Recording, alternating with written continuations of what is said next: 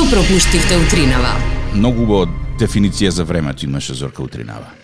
Имаш лошо време, лошо време и ова е врвот на сите лоши времиња. Значи ова е, ова е она Сиво? не е ни сиво, сино сиво е некое. Знаеш кога е, си во петто, трето оделение И треба на да одиш. час, не, не, на час по ликовно и ќе ти речат ај помешај светло сива, не светло, темно сива со бела и ја добиваш оваа никаква нијанса, ние бела, ние сина. Од друга страна, е, времето надвор, почитувани слушатели, е катастрофа, благо речено. Некој ако може да упали светло да се видиме. Знаеш што е најстрашно?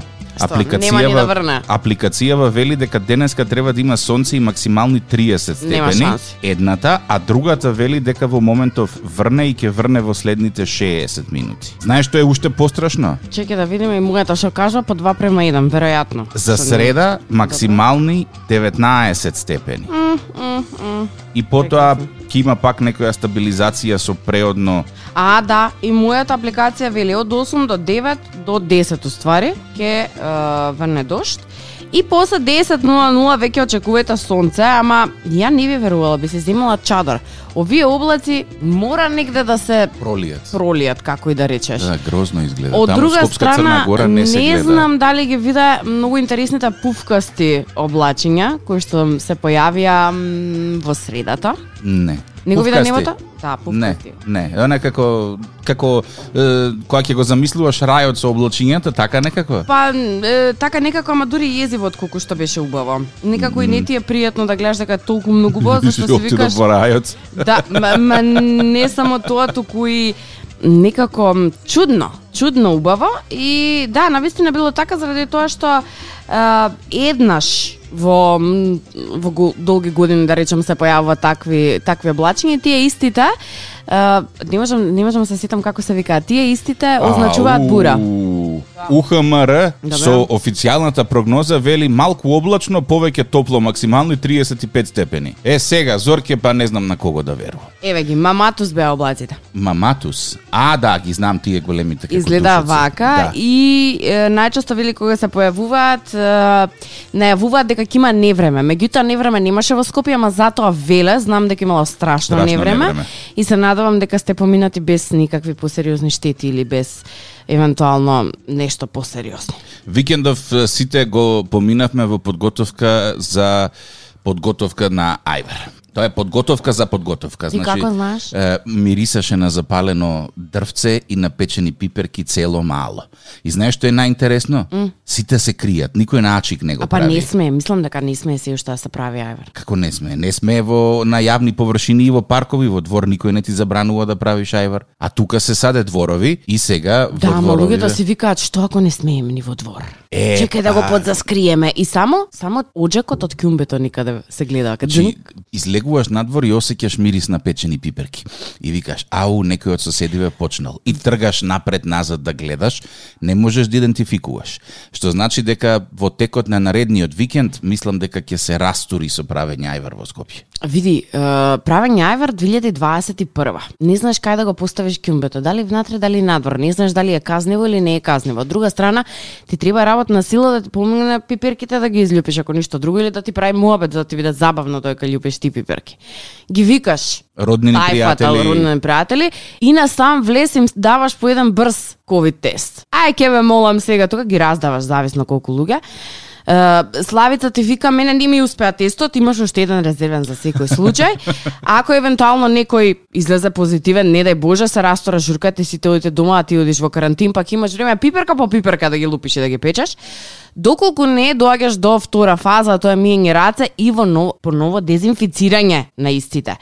Исто оно што е многу интересно е дека не само што ќе се соберете, па треба да измериш со јаженце дали имате метро и пол еден до друг. Да, и На отворено не смееш. Не знаеш дали смееш уствари. На затворено смееш, ама треба да имате па маска ставаш. Не, не, јас ти гарантирам дека на во двор на отворено можеш да правиш ајвар. Проблем беше во паркови, пред згради. А зошто е проблем? Кому му е проблем? А јавна површина не смее да се пали Океј, ако позади него си го собере ѓубрето и си го среди она што си го е, запалил и правил, јас немам проблем зошто не може некој да користи јавна површина. Абе, На крајот на краиштата, ако еве живеам во куќа, до мене има згради, јас лично и персонално би им го дозволила мојот двор да го користат за таква намена. Зорке, слободно, пеки. И не само да Па дозволиш... зошто не? Две само тегли, ајвар комши, терајте. Е, така. Или е, од алтруистички причини сигурно нема да го дозволи. Значи, или ќе им го ренташ дворот по тур ајвар, или ќе Не. бараш да ти дадат по две-три тегли. Комши, сакате да правите ајвар, сакаме. Еве, бојрум, еве ви двор, три тегли. Е, јас само нешто нема да им, односно ќе им дозволам да прават ајвар кај мене во двор, туку јас ќе се симнам да им дрндам да им помине побрзо времето. 10 стана по 3 тегли, 30 тегли. Бе, е, пуна капа за, за, за цела Ама сезона. треба да ти текне ве тик-так, треба да ти текне како можеш да направиш и ти ајвар. Мене ми текна да организираме надпревар за дегустација на ајвар и да го одбереме најдобриот домакински ајвар во Македонија оваа година. За да учествуваш треба да пратиш минимум тегли од 250 грама, по можност две, тоа се отприлика 4 вилјушки според нашата процена на е, Македонска радио телевизија Булевар Гоце Делчев без број Скопје за тик-так и зорка и откако ќе ги пратиш теглите, треба да ни пишеш на Инстаграм колку тегли си пратил и од кого се за да не се Кој загубат се истите. галиба твоите тегли? Ние некаде во средината на октомври, откако ќе се собере доволен репрезентативен примерок, ќе организираме дегустација и на најдобриот ајвар ќе му дадеме благодарница и сертификат за најдобар ајвар. А што е право, право е, веќе ајвари почна да стасуваат на нашата адреса. Не знам точно какава бројка, ама рекоа колегите, едно кутивче тука за вас чека. така што најхрабрите веќе ќе си ја пробаат среќата и е, сакаат транспарентно да чујат што не им чини во ајварот, дали им чини или дали им е најдобар ајварот на цел свет. Катерина ни прати некои фотографии на Инстаграм од поплавата во Велес, страшно дрва паднати, и улици поплавени, возила во вода. А, Ѓоко ни прати слика од Прилеп, пука сонце, Е! стигна слика од Тетово, сосема спротивна а, гледка. Што има? Дошт и, и облачишта исти како овие скопски. Е. Значи на слика од Тетово не е поразлично од она што гледаш од пенџере, ама во Прилеп сонцето се гледа.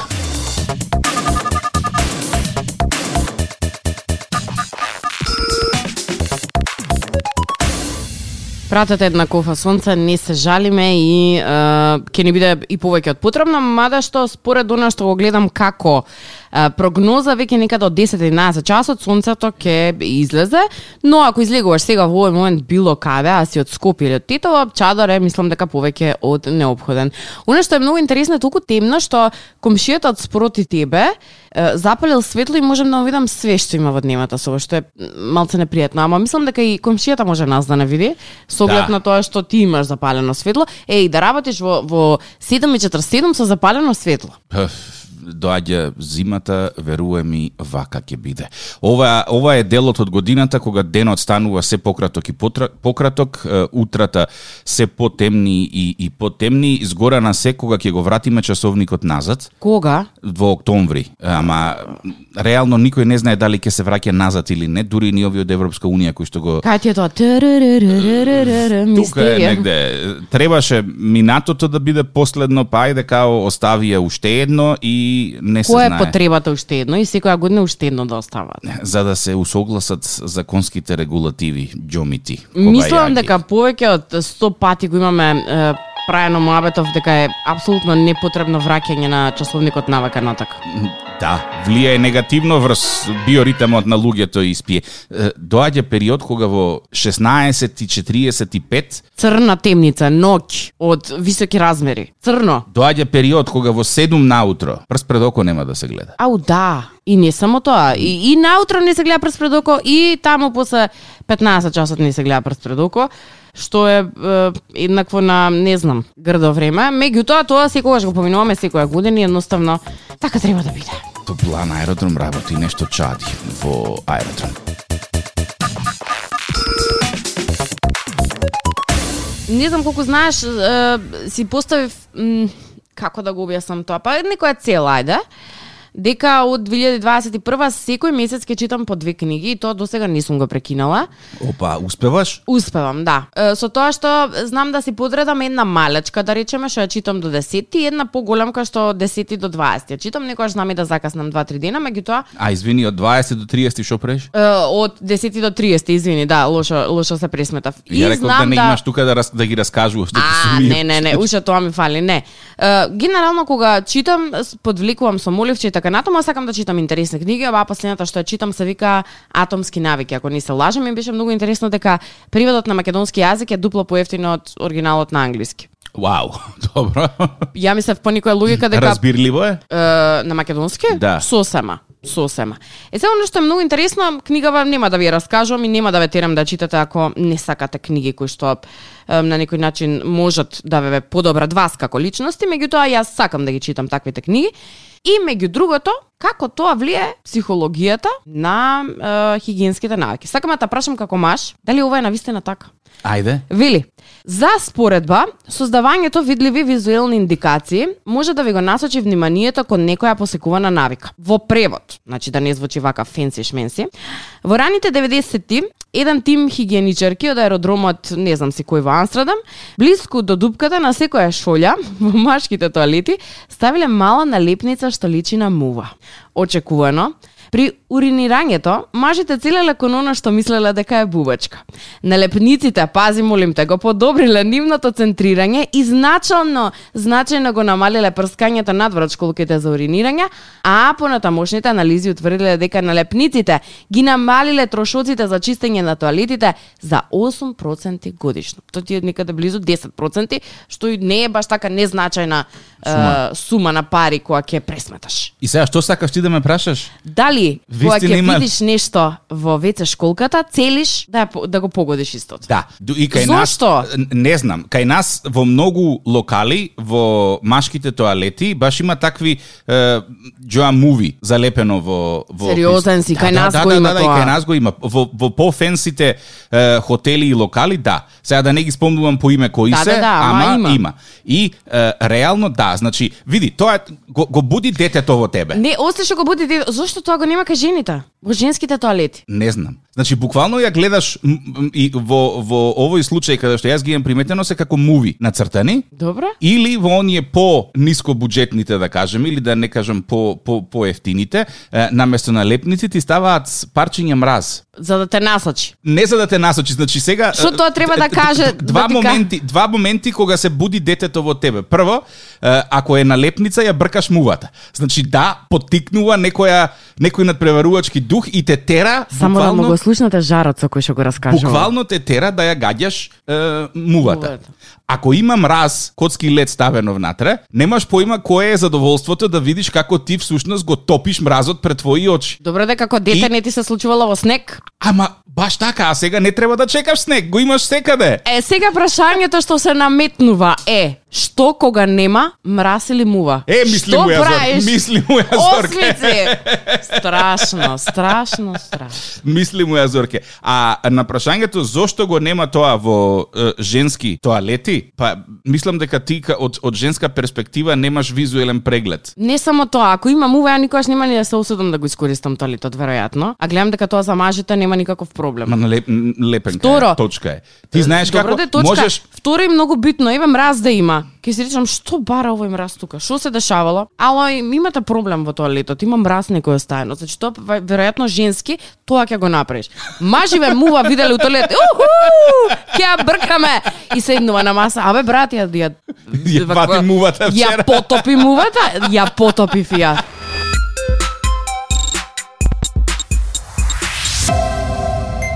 Вртејки по разно-разни постови зорке по социјалниве мрежи, е, налетав пред некој ден на една интересна е, приказна која што малку така ме заголица.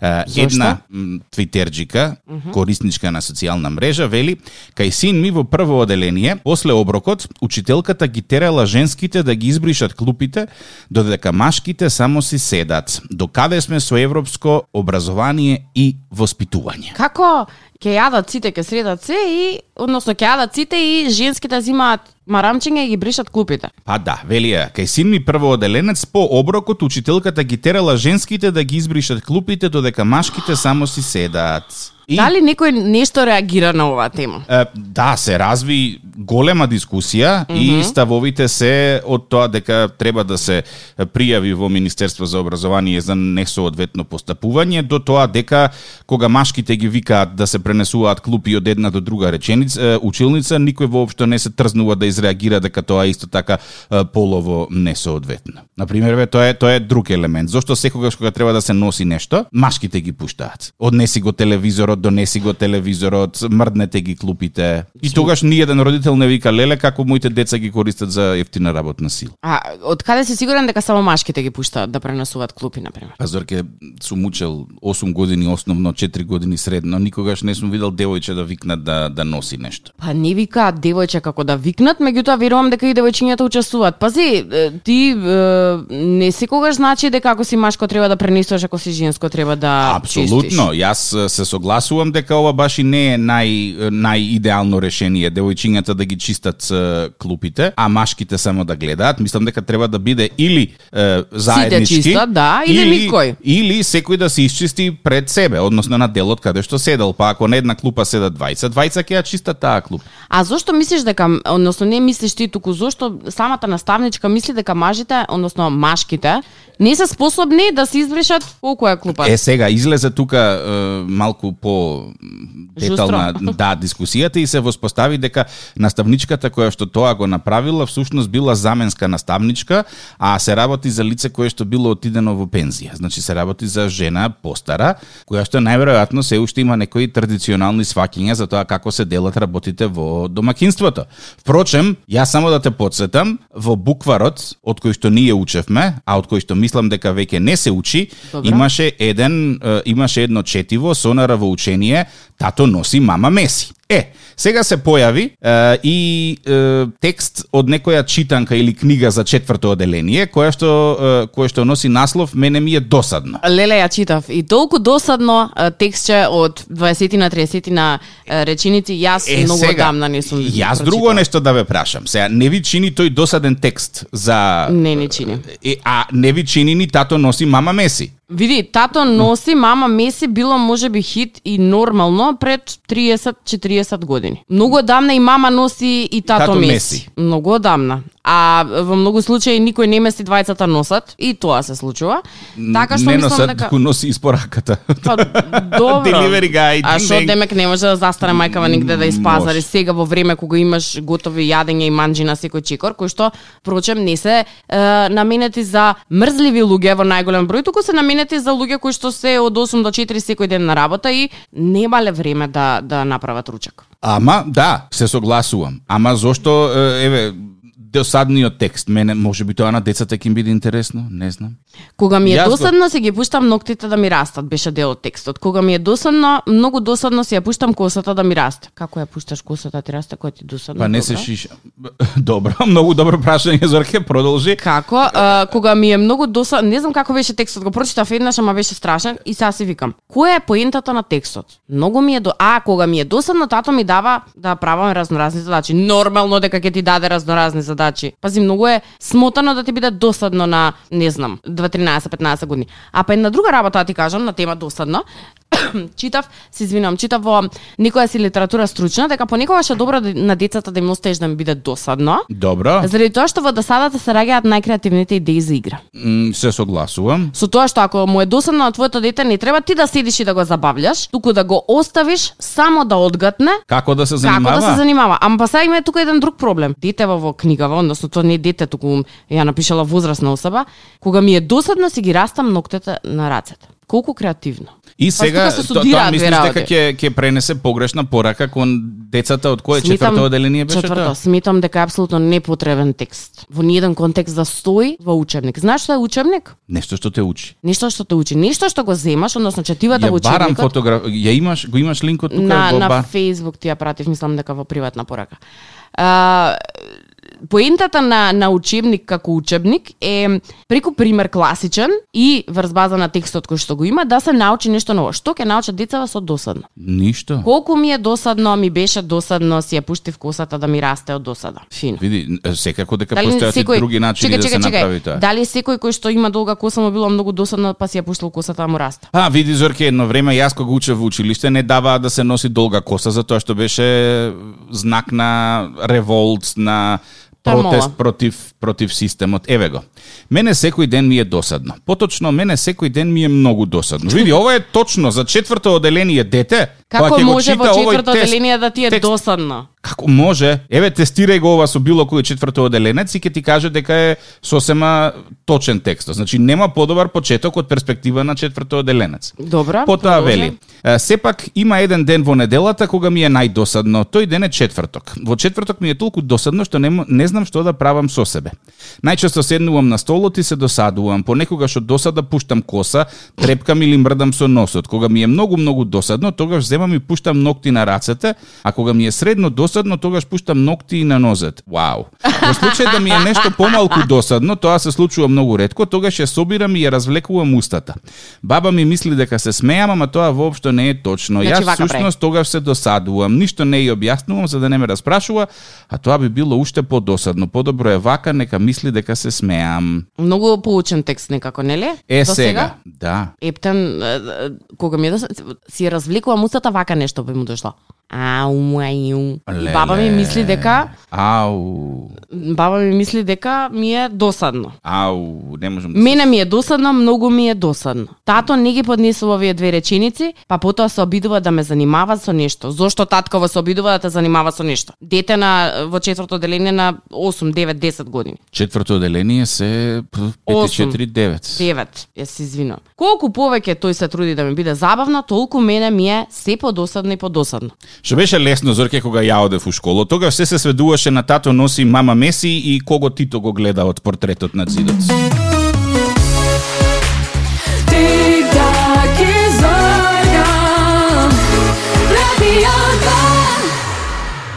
Кажи ми, еве вака, ама добро размисли, значи добро размисли, да се случува да си прават муабет, не знам, две особи после 20-30 години, по што би сакаш би сакал ти да бидеш запамтен, на пример? А, пошто јас би сакал да бидам запомнет. Не го шири, пошто кратко би сакал да бидеш запамтен. По тоа што ги терам луѓето да се смеат. Добро.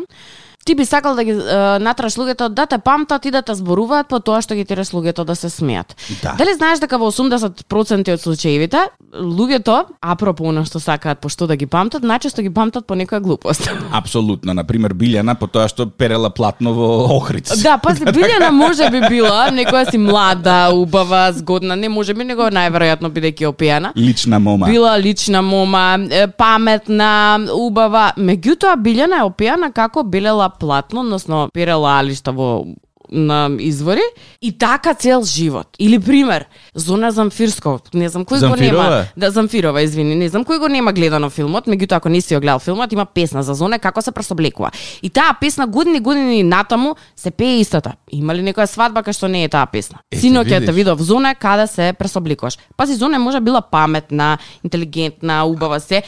Има во песната некој дел, ама, ама ќе направиш најбитното е дека оваа се соблака облака цело време. и ќе направиш нешто што така боде очи за пошироките народни маси и одма ќе ти накалемат сеќавање и, и, и меморија. Ја, на пример, имав еден другар во, во основно училиште, знаеш по што го памтиме? Пошто? По тоа што се залета во затворена врата од тераса у хотел Силекс у Охрид и ја скрши бевме на екскурзија. И До ден он денеска. може би, тој може би денес ќе биде некој на работно место, некаде важен шеф, така натаму. А, има и такви, ама сега да не ги ин- ин- индоктринирам Добро тука да јас јавно. воопшто сакам да ти кажам дека некоја точка ќе направиш или дамка или флека или не мора ли да е нешто што е безобразно или смешно, едноставно луѓето ќе да памтат по она што ти најмногу си им оставил впечаток. Да, така да сакаш да кажеш заборави ти тоа што сакаш да ги да, да видиш пам, запом, запомнет по тоа што ги смееш луѓето. заборави. Апсолутно заборави. Луѓето по нешто друго ќе те памтат. Сигурно по некоја глупост која што имам истрескана на некоја од социјалните мрежи. Па, најверојатно јас, може би мене ако ме прашаш по што јас ќе те памтам, многу си гласен човече за во друштво и под број 2 мора да има руска врска кај што ќе седнеш. Веројатно по тоа ќе те... Ти по што ќе ме памтиш мене? Ау. Ај зарем, немам јас по што да ме памтиш ти мене. Не, се обидувам да да И толку дефинирам долго време ти треба да се сетиш. изгорените кифли. Ајде, сега кога ме влечеш за јазик. После толку време дружба, па сега, Зорке, 15 години дружба, сега, па сум Зорке, правила кифли, па сум се по изгорените ќе ме памтиш. Ама тоа е тоа што мене ми се ми е останало длабоко врежено Ете во ти, драг слушателу, класичен пример како луѓето ќе те памтат по нешто, односно по најбизарното нешто што си го направил. Ти 15 години ќе бидеш најдобар пријател со некого и на крај по изгорените кифли ќе те памти. Извини, може уште една мала дигресија? Повели. Најчесто тоа што пошто ќе те памтат ќе биде нешто лошо, а не нешто добро. Затоа што доброто да. се заборава. Чекај, дали сакаш да ми кажеш дека добро ова се пресаблакала ова песната, а дали сакаш да ми кажеш дека другава што перела али што тоа е лошо? Па, Не, ама толку долго веројатно и толку често перела што на луѓето преку глави им дошло дај во песната да Билјано, го стави. тргни се.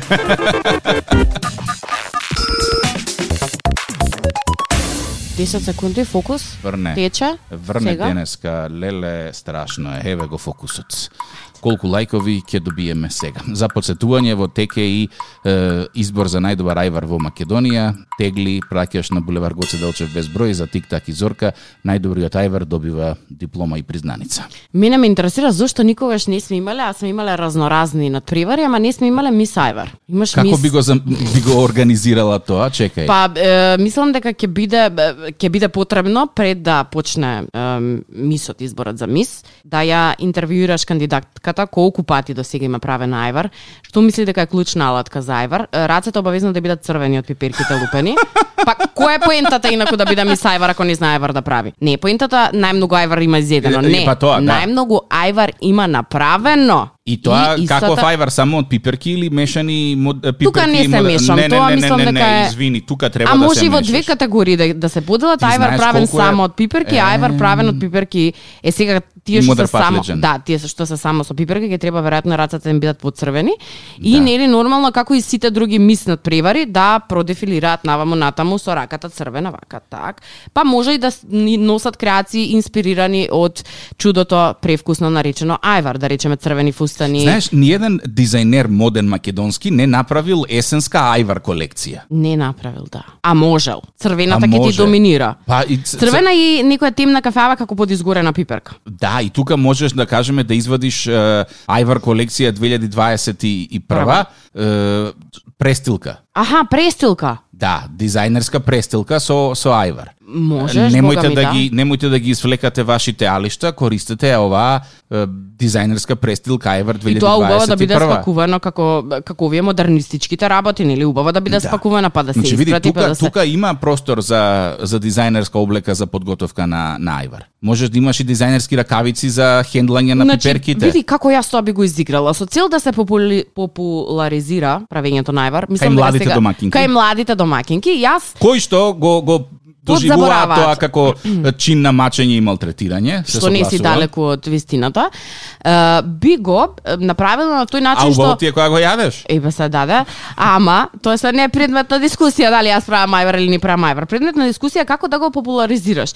Еве на пример сите тие што ги кажат тие алатки на пример мис а е, мис ајвар прво би направила да би организирала мис ајвар во секое мало. Евентуално може од сите мала после тоа на Победничката да регионален. оди на градско, па потоа сите градови дојдат на Па како и републичко. се друго. Друга работа, ќе активирам, ќе активирам инфлуенсери, им праќаш од тие престилките, па млади мамички и така Ќе се потепаат да не ги слика, да. Ќе ги сликаат, зошто Знам, да не ги сликаат? Па giveaway на тема Ајвар. Ајварот на инфлуенсерката. Тоа е наградна игра. Наградна игра, да. Да, охо. Тагни едно друго заследи.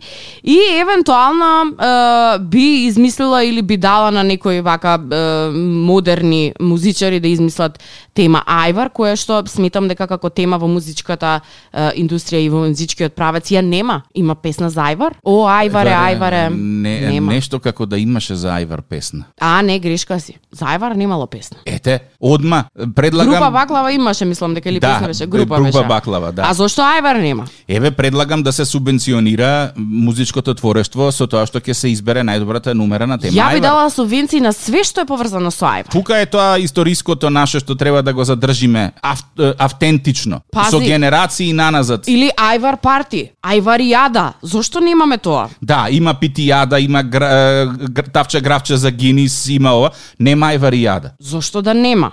Па би Цел субвени... месец октомври е пред нас. Па би дала исто субвенција на некој кој што ќе измисли 20-30 да речеме рецепти со вклучен ајвар внатре. Зошто да не? Сериозно, знаеш дека Документарец чекај, на чекај, тема чекај, ајвар. застани тука. Тоа 20 рецепти со вклучен ајвар. Да. А освен ајвар на леп, ајвар, Ајвар во во тортилја, мафин. ја друго не знам како ти би Ајвар можел на ајварот да тортилја, го консумираш. ајвар во мафин, ајвар со а, прилог некое месо, не знам со кое месо нема да поцркаш. Ау, ајвар со чварки многу добро оди. Ајвар со чварки, ајвар со јајце, пржено. Си јадал? Оди, да, Преуба. да. Значи, еве ти, само сега во моментот додека го зборуваме ова, а не сме го подготвиле претходно, ни текнаа минимум 5-6 рецепти со ајвар. Или начини на кои што ајварот би го испромовирале. Зошто? Охо, стигнаа четири пораки дека има песна за Ајвар. Ја ќе ве молам таа песна да- да ни се Тончи прати. Хуич вели има песна за Ајвар. Ја, има ли песната? Солзи и смеа побарајте песната Ајвар, вели Ама Митко. таа не е официјална, веројатно, Е, песна песна. Тончи Хујич, ај, ајде баш да видам дали има Тончи Хујич Ајвар песна, многу ме интересира. Тончи? То, од, од нови фосили. Аха, добро, тоа е некоја пред мојата генерација што не не ја знам. И Сериозно има, има? и, и Мане има песна Ајвар, тоа па тоа има песна Ајвар. Аха, Еве ги тоа па тоа. врти малце. Замислувам скечеви со Ајвар. Ајвар, ова? Лупање. Многу ме интересира како ќе оди вокалот на ова. Замислувам манифактурно работење. Е, зошто така ми Малце, направи? да. Малце да. А, ова ти е вајда да држиш ритам додека, Додека- лупиш, е, лупиш пиперки. Ајвар да. фитнес. Видиш на тоа не ми текна. Ајвар фитнес. И таа песната и некако ми се одействува со движењата. И лупиме. Еден, два, три. Лупиме. Еден, два, три. Нова пиперка. Еден, два, три. Е, има. Сега ме ти кажам Ајвар како Ајвар како е, само по себе нуди многу нешта кои што може да се направат и произлезот од тоа, меѓутоа како да сме подзаборавиле. Пази, први сме за е, да извадиме трачеви, први сме за да извадиме е, прљав веш на некого, а кај сме кога изворните работи треба да ги популаризираме. Пази, ајвар е традиција на секој едно семејство. Јас не познавам семејство кој што нема правено своевидно никогаш ајвар. Нема, нема, нема, нема дискотека. Нема. Не е за магариње дискотеката. За луѓе. Тончи е, Хујич и Мадре Бадеса Ајвар. Сериозно? Еве ја. Опа. 2013 година излезе на песнава.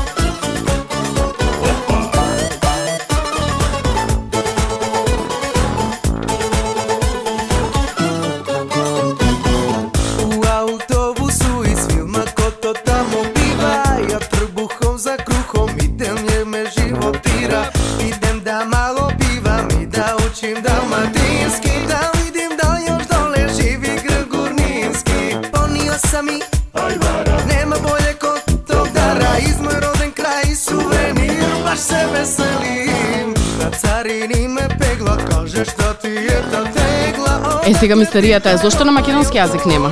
Е, ајде де. Такви гласови, такви рими можеш да извадиш. Таков текст. Е, Надежда вели, мислам дека вокалот е македонец на некој талент шоу настапуваше. Можно е. Јас пак прочитав дека Ајваријада има во Струмица, се одржува, само не знам вели кога точно, мислам дека е овој период поздрав.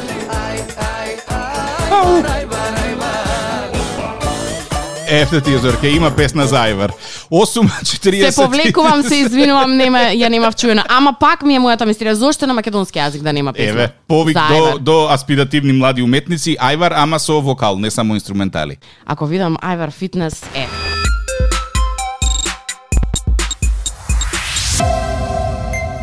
Морам да те демантирам. Е, јас морам да се извинам пред ти да ме демантираш. Јас се извинам што не ја знаев песната. И ви благодарам што не просветливте и мене и тик-так. Имаме хит наш, Да. кој што ние ќе си го тераме до крајот на октомври, ноември некаде. Од е, пред 8 години е песнава, групата се вика 3G, е, Ајвар, Песната звучи многу добро, Леп зошто не ја знам? Е, ајде де, Дај поправиме грешката. Ќе ви ја пуштаме почесто да не учите на памет. слушајте го ова на Радио 2, 8.52 е, ние сме Тик Так и Зорка, ти се подготвуваш да правиш Ајвар. Добро утро. Kako te државу ние баш секој свајле Само слутка джеп се мутка, терај нема гајле Имаме за цигари и мало макијачо За бензин пари нема, пешки тераме по патот Мангупи и фраери, без работа, без ништо. Джабе средно, джабе индекс гули како пиштол Кредити и заеми, стриковците жиранти. Умот ми е попара од многу варијанти. Сите исти во globala Staro, malo i starana. Sonvaj, kavijar i suši Lapaj samo naša hrana.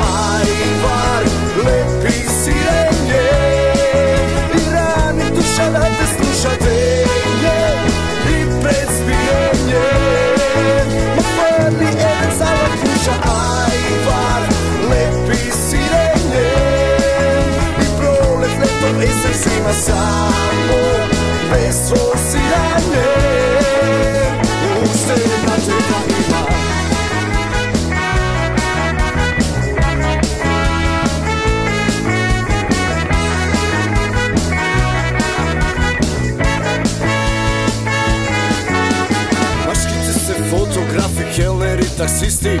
Redat kim s kartoni i po svadbi sajzeristi Ženski te se šankerki, a i manekenki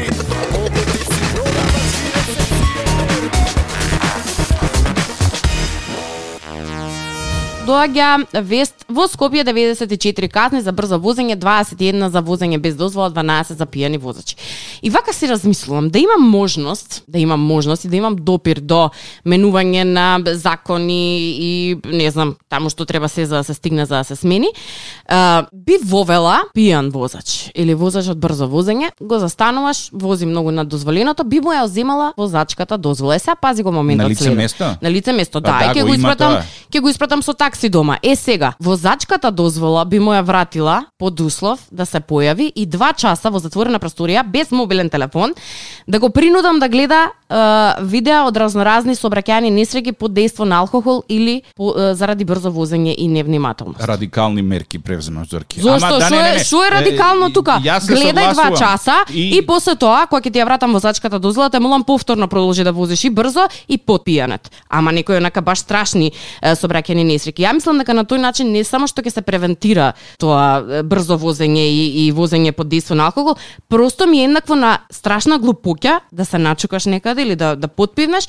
и после тоа да се качиш во автомобил и да се довозиш себе си, но и твоите блиски најсакани до дома под дејство на алкохол. Пази, збориме за такси во услови каде што сега ти ако си излегол имаш пари да се поднапиеш, имаш пари да викнеш такси да си доеш до дома. Па И- утре на не земи си ја кулата или нека ти ја донесе некој друг. И факт е дека овие полициски контроли треба да бидат далеку по редовни и почести, а не само Ама мислам дека веќе имаше Почнаа, нели да. почнаа да и едно време беше као ау изненадување полициска контрола па ме застана па едно више тоа се случува е, колку три месеци, четири Да, месеци наназад, да. секој секој секој ден. И знаеш дека ако излезеш е, некаде низ градот, голема е веројатноста да те застане сообраќаец. И еве, јас ништо друго не би предложила освен нели дај му да гледа клипови два сати, се она што можеш да го најдеш на интернет како податок е, и резултат на брзо возење или возење под дејство на алкохол. Не, не има роден ден. А, ајде. Ало? Ало, не, не, шо правиш? А, ете на работа. А, бе, како на работа, мане, М- Милан не ти даде слободно денеска? Милан не дава, не дава слободно. Како не да бе, имаш ти дадоа награда Албанија на одмор те носиме, сега трга автобусот од Скопје да те земи од вратница. Чекај, кој е на телефон? Горан е на телефон. Горан, а, да, ама не, Горан рекол да се јавите веројатно. Да, среќен роден ден. Ви, ви. Здрав, жив, весел и среќен. Фала ви, И фала да ви. ти се исполни желбата за тоа патување. Фала, за- па не мора за Албанија, за подалеку нека биде. А ако да за кај сакаш, ти само спреми се кај сакаш нека биде. Е, честиткава ти е од младите партизани од вратница. Фала, фала ви на нив. Не знам кои се младите партизани, ама делува вака, како нека, да, да, ти знаеш. Тоа е најбитно. Како ќе славиш денеска? А, извинете, ќе мора да ви прекинам, пошто на Ајде. работа сум има врски. Трчај, работи. Поздрав. Чао, чао. Ете, работа. Одговорен работник. Гледа, Да. е вакви да да посакуваш сите да ги има фирми. Сите. Ќе ги има. Да е некој друг ќе се залежи на телефонот па ќе те избори до утре. А некој само ќе ти спушти и нема да ти каже зошто ти треснал телефон. А имаме и такви што ќе не чујат па ни спуштаат. Ова е култура на ниво. Имаме роден ден на една господја, го, да, ама името лошо е напишано. И сега ја не можам да дешифрирам. Знаеш име Името е? Белик. Мислам дека е Белик. Ало, Ало, добро утро. добро утро. Како сте? Добро, фала. Мило ми е. Е, Синоќа како си поминавте на лумперајката? Многу убаво. Е, тоа е тоа што сакам да чујам. Среќен роден ден. Благодарам. Тик-так и Зорка од Да. Радио 2. Честитката од сопругот. Благодарам. Иначе, од наша страна, секој сабајле сте, ги вечувам, секој сабајле сме со вас. Е, фала ви многу. Мило ми е што ние сме дел од вашата утринска, е, како се вика тоа, рутина. Рутина, да. Да. Благодарам, благодарам. Имајте прекрасен ден, е, поздрав до сите Фала. вас и се Исто слушаме следна прилика. Благодарам, пријатно. Пријатно. Е, шубаво. Да, весело. Позитивна личност. Да, да, да, да. Со вакви личности треба да ти почнува утрото секое. Секое утро, односно секое сабајле ке кажа. Утрото треба да ти почнува секое сабајле. Инаку две пораки Стаса, она песната од Тончи Хуич Ајвар, е, што ја Добра. пуштивме, ја пее Емил Арсов кој што почна да пее На М2, ако на не се лажам, во М2 исто време со... по таленти. Да. Еден млад дечко. Тогаш беше млад, сега не знам уште ли е млад. Па веројатно е млад. Ми се виде во спотот познат во ликот, ама не бев баш сигурен дали е или не е тој и излезе на крај дека е, е тој. Во Скопје се уште гужва буквално на сите булевари, аеродром концентар е најзакрчено, така да вози внимателно, не се нервирај, ако имаш алтернативна е, транспортација од типот на велосипед, скутер или нешто слично, искористија затоа што очигледно на четири тркала во Скопје никаде не се стига. Црните облаци ги снема, кај да е ќе се појави сонце, за денеска толку мислам дека ве разбудивме, ве донесовме на работа и сега останува вашиот шеф да се погрижи за вас. Доколку ви се допадна како се дружевме утринава, ве очекуваме утре во исто време 7:30, а ако евентуално подоцна не фати, а сакаш да прислушаш се оно што имавме денес да кажеме и све што кажавме, ке не слушаш, односно ке не преслушаш малку подоцна на slušaj.tiktakizorka.mk. Роден ден на блиска личност, пишувате на Facebook или на Instagram, доколку потврдиме и ви вратиме на конверзацијата, веројатно истиот ќе биде реализиран. Ако не сме ја прочитале пораката или сме прочитале, а не сме ви вратиле ништо, не очекувате дека роденденот ќе биде реализиран и тоа го правите троа малку по на време. Е, термини има само за вторник и за... е, Нема за четврток, се пополни. Значи термини има само за утре. На Радио 2, секој работен ден од 7.30. Будење со Тик-так и Зорка. Во случај на неконтролирано смеење и симптоми на позитивно расположение, консултирайте се со вашиот лекар или фармацевт.